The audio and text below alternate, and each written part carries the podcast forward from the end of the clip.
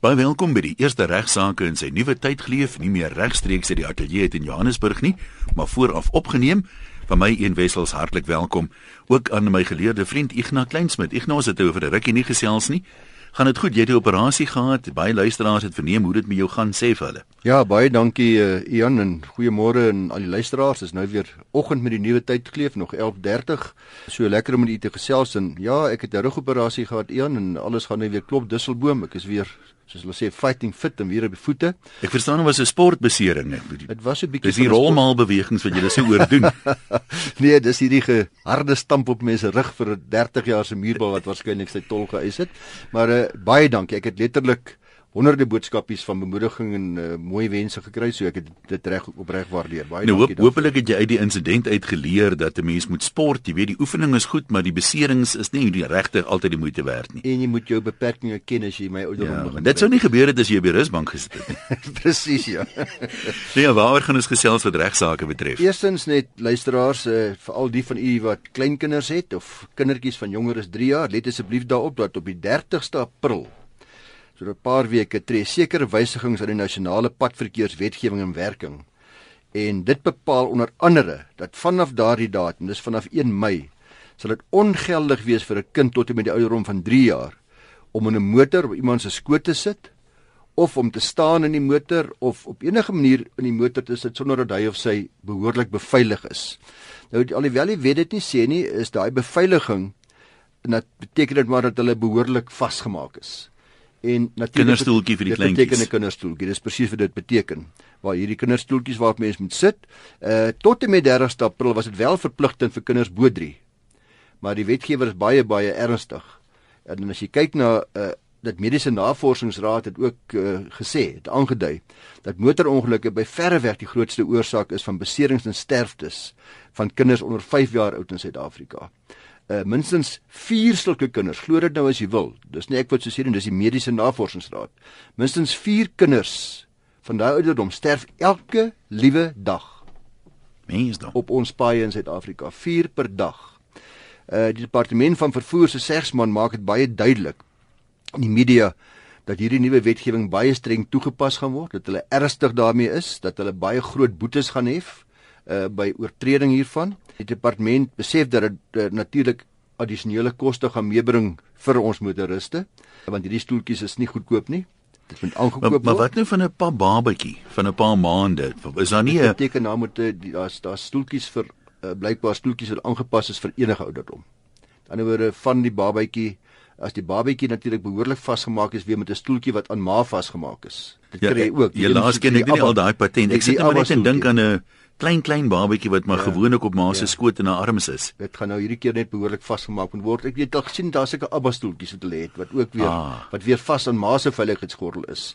Die wet skryf niks hieroor voor nie. Die wet sê hulle moet behoorlik beveilig. So is dit 'n kwessie van interpretasie. Dit is 'n kwessie van interpretasie. Dit is nou gaan maar nie tot regsekerheid regtig lui nee, lui seker nie. Dit is sekerlik so, maar daar's ook voldoende getuienis dat uh, daar beslis stoeltjies gemaak word vir alle ouderdomme anderwoorde jou 3-jarige kind sal nie dieselfde stoeltjies hê as jou 3 maande ou klein ding. Ja. Dis ook baie duidelik bewys aan luisteraars dat daar al baie lewens gespaar is. En weer eens en ek wil so sê die navorsing bewys dat lewens werklik gespaar word as gevolg van veiligheidsgordels en ook stoeltjies vir kinders.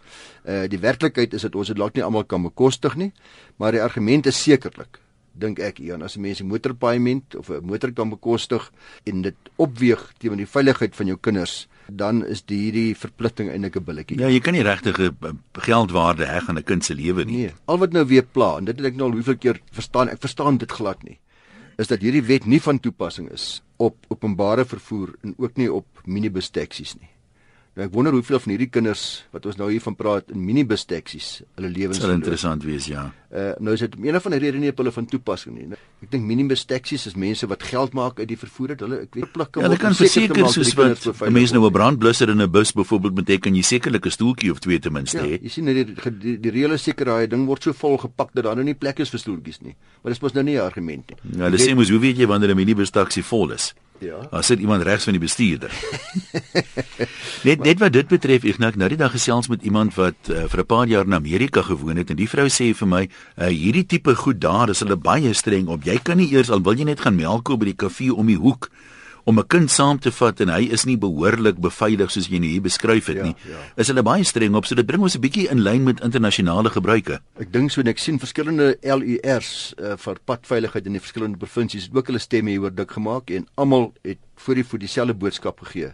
Die publiek moet weet hier gaan 'n spesifieke veldtog wees van die 1 Mei af en u gaan swaar beboet word. Daar gaan nie waarskuwings gegee word nie, daar gaan nie uh, genade wees nie. Hulle kan hom nie die kind konfiskeer of iets nie. Gelukkig dan. Ja, waaroor gaan ons volgende praat? 'n Lekker saak vir sjokoladeverslaafdes.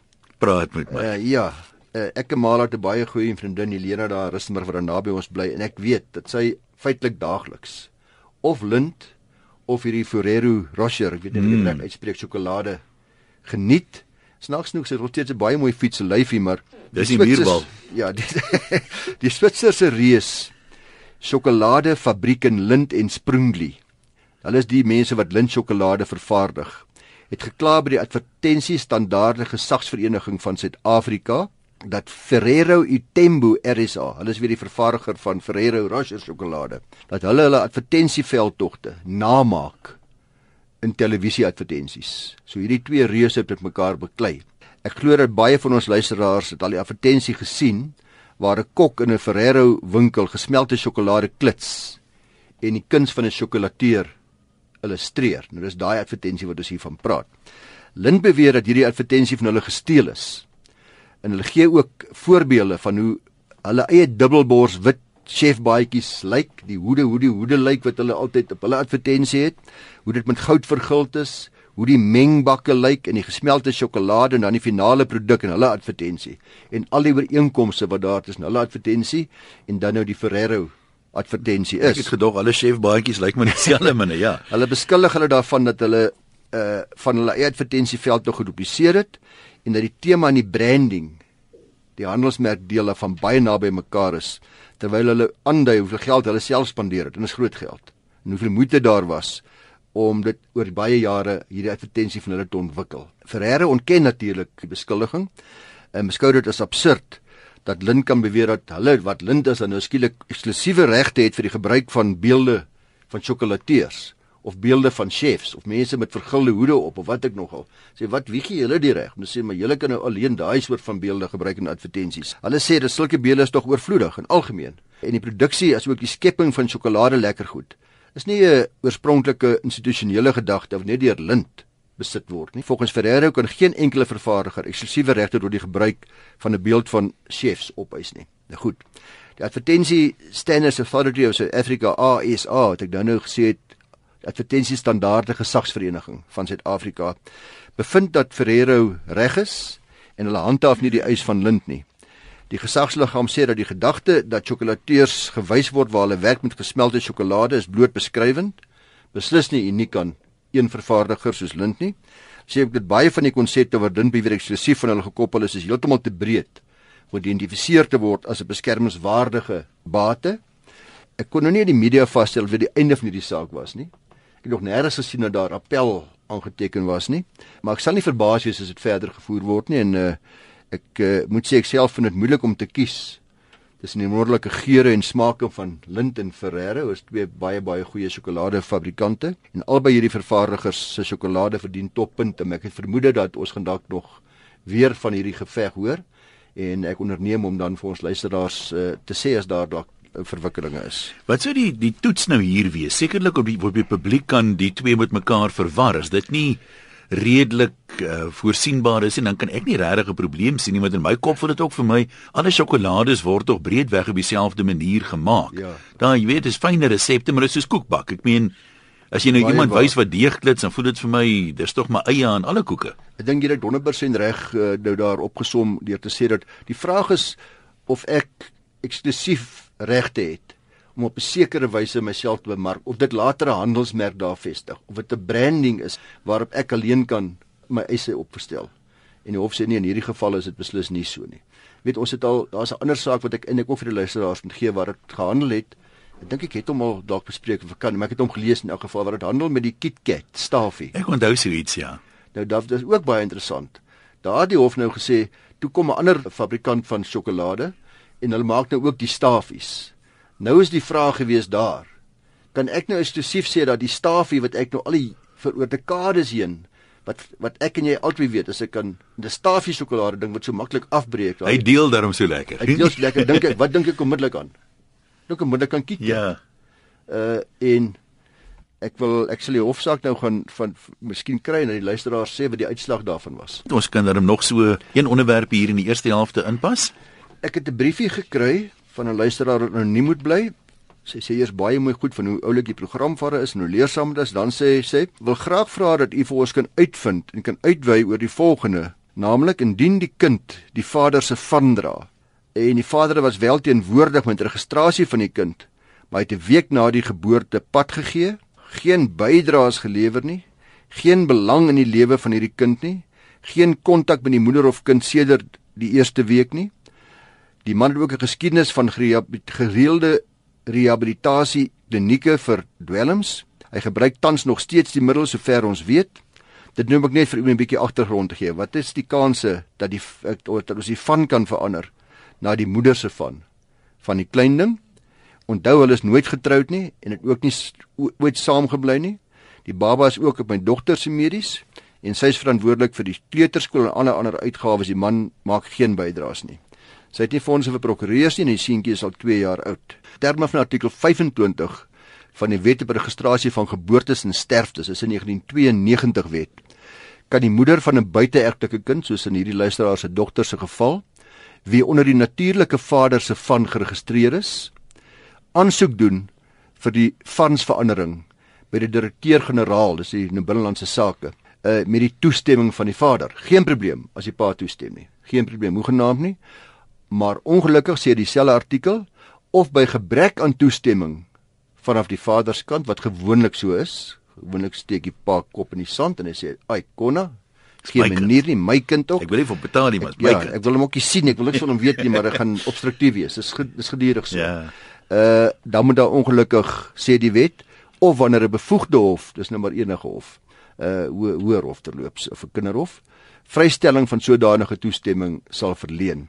So die enigste manier hoe dit vermag sal kan word is wanneer 'n formele aansoek in die toepaslike hof gebring word deur ons luisteraar se dogter deur die ma waar die pa toestem, geen probleem nie. U gaan direk na die departement binnelandse sake toe, hulle gaan nie bystaan. U gaan saam met die pa uh of jy kry 'n skriftelike toestemming en 'n eersverklaring en jy sê hier's die man se besonderhede, jy weet wat wil julle nog hê en hulle gaan self daai proses vir die afhandeling gaan nie 'n sent kos nie, maar soos ek genoem het, jy sal ongelukkige hof moet nader vir 'n bevel indien die daar geweier word of selfs waar hy nie opgespoor kan word nie, wat hy regtig weg is. In hierdie geval lyk dit nie vir weggestem die vrou sê sy weet alles van die dwelm gebruik ensovoorts af. En dan wil ek net vir haar sê sy sê sy het nie fondse nie. En dis dikwels so. Maar onthou daar is 'n regshulpraad in u omgewing, ek weet nie waar sy vandaan kom nie, so laat daar regsel raad sentrum wees waar jy kan aansoek doen. Hier is tipies die soort van geval waar hulle vir u wel gaan bystaan afhangende van die middele toets of jy dit gaan slaag al dan nie. Jy weet nie wat die middele toets tans is nie, maar jy kan nie sê ek verdien 200 000 rand 'n maand, maar jammer ek het dit nie bekostig nie. Uh, maar as u nou net 'n paar duisend rand 'n maand verdien, kan jy onthou die presiese bedrag onthou nie, dan gaan u kwalifiseer. Jy kan ook nie klaar betaalde huis hê of sekere bates hê nie. Daar's 'n middele toets. Dan ook wat baie effektief is, is al die universiteite in Suid-Afrika het uitstekende regsklinieke. Hulle is ook bereid om hierdie tipe van sake aan te neem. Hulle sal ook kyk na sekere middele toetse. Uh maar ek het al gesien dat hulle dit mens baie maklik daar regkom. En dan natuurlik kan u ook gaan na die pro bono sentrums in Suid-Afrika. Elke prokureur in ons land onder die ouderdom van 60 jaar is in gevolge die pro bono stelsel verplig om 'n sekere aantal ure per jaar en ek dink is 25 uur gratis regsdiens aan die publiek te gee. Nou wat jy doen is jy jy skakel die die, die prokureursorde in u in u provinsie dit mag gaan Google of gaan op 'n manier op kyk onder Law Society, sien nou maar Cape Town of Law Society Pretoria, Law Society Bloemfontein of Free State of whatever dit wat ook nog al u provinsie is en u gaan dan by hulle hoor waar die pro bono beampte is van daai provinsie en hy gaan dan besluit of hy u gaan verwys na 'n gratis prokureur. Maar die maklikste soos ek sê is eintlik maar 'n regskliniek of 'n regshulp sien. Kan ek net vra wat wat sou die hof nou oorweeg om hierdie bevel te maak? As jy nou sê maar die man steek my in die skande, is dit genoeg rede soos wat sy nou hier aangegee het, hy's met Willems die mekaar en ja. of hoe motiveer mense dit? Ek dink jy gaan ek, ek dink die motivering wat hierdie dame na 'n brief gee, is tipies die tipe van dinge. Met ander woorde sy onbetrokkenheid sy nie omgee vir die kind nie. Sy as jy kyk na wat die toets is wat die hof van die kinderwet moet nakom om te bepaal of 'n pa geregtig is op toegang, 'n buiteegtelike pa tot sy kind. Dan is hierdie tipe van dinge alles. Is die pa betrokke finansiëel? Wel iemand wat so eenmal 'n maand daarmee vir die klein ding kom kom groet en kom hulle sien vir 'n naweek vat ensovoorts. In 'n woorde gevegte tussen ma en pa. Ek hou nie van jou gesig nie want jy hmm. weet uh, daai tipe van ding uh, gaan beslis nie 'n rol speel nie. Uh, dit is dit kry maar baie gereelde daar ook uh, die kind ook nou maar gebruik word as 'n as 'n bietjie van 'n pion en as 'n bietjie van 'n wapen om vir pa bietjie les te leer. Hartseer maar waar. Hartseer maar waar, dit gaan nie slaag nie.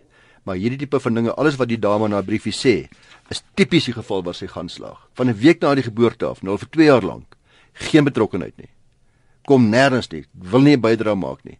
So uh wie watter kind hoef nou so 'n pa se van te hê? Is dit nou in belang van die kind? Dis gaan die natuurlik die miljoen uh, rand vraag wees. Is dit in belang van die kind ja of nee? En dis altyd in belang van van kinders om 'n pa te hê. Is dit 'n slegterige pa? Pa is nie volmaak nie terloops. Daar word niemand van ons is volmaakte paas nie. Dan word nie van 'n pa verwag net omdat hy geskei is of net omdat die kind buite egtelik is om nou skielik die superpa te wees nie. En dis nog 'n toets wat 'n mens moet verstaan ek sê byvoorbeeld nou sal 'n dame by my kom en sê ja maar die kinders kan nie na pa toe gaan nie want hy drink Vrydaande. Ek sê maar hoorie uh, die kinders is nou sê net maar 12 jaar oud. Dan sê ek maar hoe lank drink pa nou al op Vrydaande? Terwyl jy nog nee die die blikskorrel drink nog altyd, jy weet Vrydaande. Ek sê maar wie my vrou dit is die kind se pa. 'n ander woorde my pa drink Vrydaande. Die egskeiding verander dit nie. Hy word nie nou skielik 'n geheel onthouer nie. Die enigste vraag is ek bedoel net seker maak hy klim nie met daai dronk lyf van hom in 'n motor nie. Ja. En die kinders word nie op 'n of ander manier benadeel nie. Maar ek kan nie weghou van die pa omdat hy drink op Vrydag aande nie. Of omdat hy in die Happy Clappy kerk is en ek in die in die konservatiewe kerk nie. Of omdat hy met 'n nuwe vrou deurmekaar is wat ek sê teef is. Nie van hou van haar gesig nie. Jy weet daai soort van dinge. Pa se ma's verskil wyse van opvoedingsmetodes verskil en uh, ek ek ons gaan nou eintlik baie is wat die wie die saakie oor gaan, maar dit is die tipe van toets wat telkens gebruik geword om te bepaal wat is in die beste belang van 'n kind. Ja, baie interessante verwikkeling en dit uh, ouers sal uh, van kinders van skoolkinders sal weet dit dit uh, dinge wat baie gereeld plaas van die vraag waar 'n goeie balans is by my kinders se skool tussen hoe gelde verdeel word byvoorbeeld tussen kultuur en tussen sport of verskillende sportsoorte. Die hoof is rugby mal. En alles draai om rugby. En hy rugby kinders word op troontjies gesit, maar die arme netbalkinders kom nêrens nie. In hokkie word afgeskeep. Ja, almal sissies of wat ook nog hulle dit mag wees. Nou dis wat in hierdie saak gebeur het want uh, ag, my goeie vrou Mala het 'n groot deel van haar lewe gewy aan die onderrig van musiek en kultuur. Soos baie en menige maal moes ek hoor dat daar baie duidelike persepsies was dat sport soos rugby voorgetrek word en wanneer dit dan kom by die spandering van skoolfondse in vergelyking met die finansies van kultuuraktiwiteite waar sê dit was soos kore en musiektoerusting ensovoorts was daar groot frustrasie en ek was ek was daarna luister vir baie jare lank. so jy het 'n ja, vested interest in het, ek het, ek het 'n belang hierby. nou natuurlik luisteraars, is die balansering en bepaling van uitgawes en opsigte van verskillende aktiwiteite nie altyd so eenvoudig nie die getal leerdlinge wat in sekere aktiwiteite deelneem moet tog ook in ag geneem word. Uh baie minder kinders sing byvoorbeeld in kores waar daar byvoorbeeld deelnemers is in atletiek. Daar's baie minder swemmers in as wat daar byvoorbeeld netbalspeelsters is. Daar's dalk slegs 'n paar dogters wat in ballet belangstel. Dan word hulle gesê jammer julle moet buitekant toe gaan. Ons skool gaan nie ballet uh, aanbied nie. En dan moet hulle nou met privaat klasse met op hulle eie kostes ondergaan. Uh nou dis die mense regte kommissie se taak om onder andere toe te sien dat daar gelyke beregting is wanneer dit gaan oor geslag, ras ensovoorts soos bepaal in die menseregte akte. Nou 'n baie interessante ding het gebeur onlangs by die Glen Vista Hoërskool in die suide van Johannesburg. 'n Skooldogter daar het 'n klagte gelê by die Menseregte Kommissie. Toe sy agtergekom het dat haar skool baie meer geld spandeer aan sekere seuns sportsoorte as dan die sportsoorte van dogters. Zanele Leon 'n hokkiespeelster wat verlede jaar matriek was, vasgestel dat die fondse by haar skool wat haar betref nie op billike wyse geallokeer word nie en sy het 'n klagte gelê begin deur die skool se beheerraad te nader. Daai klagte het op dowe ore geval en sy het daartoe nou uiteindelik gewend aan die menseregte kommissie. Sy het daarop gewys dat die seun se vier rugby spanne het 3 afrigters, insluitende 'n professionele afrigter, en die seun se twee hokkiespanne het die vorige jaar 2 afrigters gehad uh, dit alles terwyl daar nie een enkele gekwalifiseerde afrigter was vir die dogter se hokkiespanne nie. Nou haar argument was dat dit duidelik is dat daar voorkeur gegee word aan die ontwikkeling van seensport tot duidelike nadeel van dogtersport.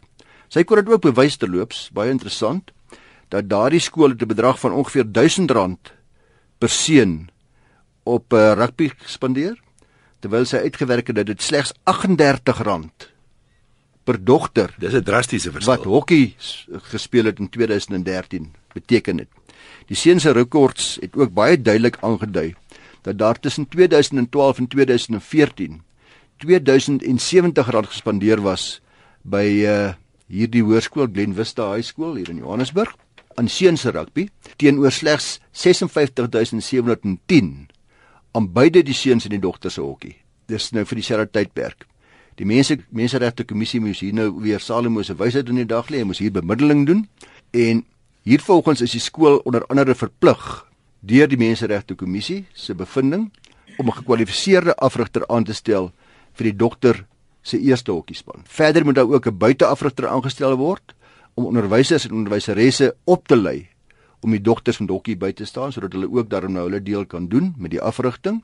Zanelo Leon beskou hierdie oorwinning van haar as 'n oorwinning vir derduisende ander leerders in Suid-Afrika wie nou bemagtig is en stappe kan neem om te verseker dat daar 'n billike en regverdige verdeling van gelde is tussen seensport en dogtersport asook tussen verskillende sportsoorte. Nou 'n sekere meneer Domingo sien ek in die pers is die voorsitter van die Suid-Afrikaanse skole hokkievereniging het hierdie ooreenkoms verwelkom terloops. Hierdie was dit nie bevel, dit was eintlik 'n skikking wat bereik is voor die Menseregte Kommissie. Hy het dit verwelkom en hy het hoop uitgespreek dat leerders van ander skole, die van u wat nou hier luister en wat dieselfde frustrasies het, hierdie voorbeeld sal volg en mooi sal dink daaroor. Hy het ook gesê dis nie net positief vir hokkie nie, maar veral ook vir al die wat hy genoem het die Cinderella sportsoorte by verskeie skole. Nou nog 'n skoolhoof, meneer Pieter Menser van die Alexander Road Hoërskool in Port Elizabeth, sien ek het byvoorbeeld gesê dat die dag as skole nie meer beoordeel word deur die publiek na aanleiding van die sterkte van hulle rugbyspanne nie, sal dit vir 'n blye dag wees. So hierdie hele ding, hierdie obsessie met sekere sportsoorte is hom ook 'n groot bron van irritasie en frustrasie kom ek agter. Ek dink vir baie ander ook en dan 'n sekere meneer Isaac eh, Mandena van die kommissie van die menseregte se kommissie na die tyd se reaksie was dat hierdie ooreenkomste 'n mooi presedent daarstel wat beslis gebruik kan word om ouers en leerders van ander skole waar daar nie billikheid is nie te motiveer om billikheid bewerkstellig. Nou let wel, uh hierdie is 'n skikking soos ek gesê het tussen die partye, maar 'n duidelike aanduiding van wat as billik en regverdig beskou sal word deur die Menseregte Kommissie in die toekoms. Uh elke saak in elke skool sal natuurlik eie soortig op daardie omstandighede beoordeel moet word en ek dink jy kan hierdie saak beslis ook uitbrei nie net tussen die tussen sportsoort nie maar ook tussen sport en kultuur dieselfde argument. My ja, kind is glad ja. nie 'n sportkind nie, my kind is 'n koorkind of my kind wil sekere kultuuraktiwiteite deel, maar daar's nooit geld daarvoor nie. Terwyl daar's altyd geld vir vir vir die sekere sportsoorte. Dieselfde ja. argument sal deurgevoer kan word. Ek wonder ek hoe voel die mense wat kyk, ons moet sekere top sportskole, rugby skole in die land, mense gaan nie name noem nie, ja. maar elke provinsie het 'n paar en interskole is 'n hoogtepunt. Hoe voel hulle daaroor want ek is seker baie van alles het 'n seunskool byvoorbeeld is nou die, die dogter ding nou nie regtig daar nie. Ja. Maar ehm um, hulle is seker goed in ander sporte ook, maar party het darem 'n baie groot klem op rugby. Is amper weet kinders gaan soontoe juis omdat dit 'n reputasie het as 'n rugby skool. Hulle sien jou daar raak vir die Kruiven week en al die dinge. Ek moet sê dit is daar's 'n daar's 'n deeltjie daarvan wat nou nou so 'n bietjie vir my siekerig voel. Ek is uh, bekend daarvoor by by vriende en my mense wat baie betrokke is by by hoërskole en voorsitters van beheerrade en so aan dat ek regtig wat baie ernstig beswaar maak teen hierdie hele ding van koop van spelers dat dit vir my 'n onding is, dat dit ongesond is, dat dit nie behoort te gebeur nie. En dit eintlik is dit 'n kwessie van besigheid. Skole ja. het hierdie groot besigheid geword en dis waarom hulle moet koop om sekere status en prestige te behou. Maar dit kan nie gesond, kan nie reg wees nie. Daai noot gaan ons eers 'n streep trek. Baie dankie eh, Ignas, as jy wil voorstelle maak vir toekomstige onderwerpe, kwessies wat jy wil hê Ignas moet bespreek, kan jy vir hom e-pos stuur na igna@ffd.co.za. Regsaake word moontlik gemaak deur die Prokureursorde van Suid-Afrika.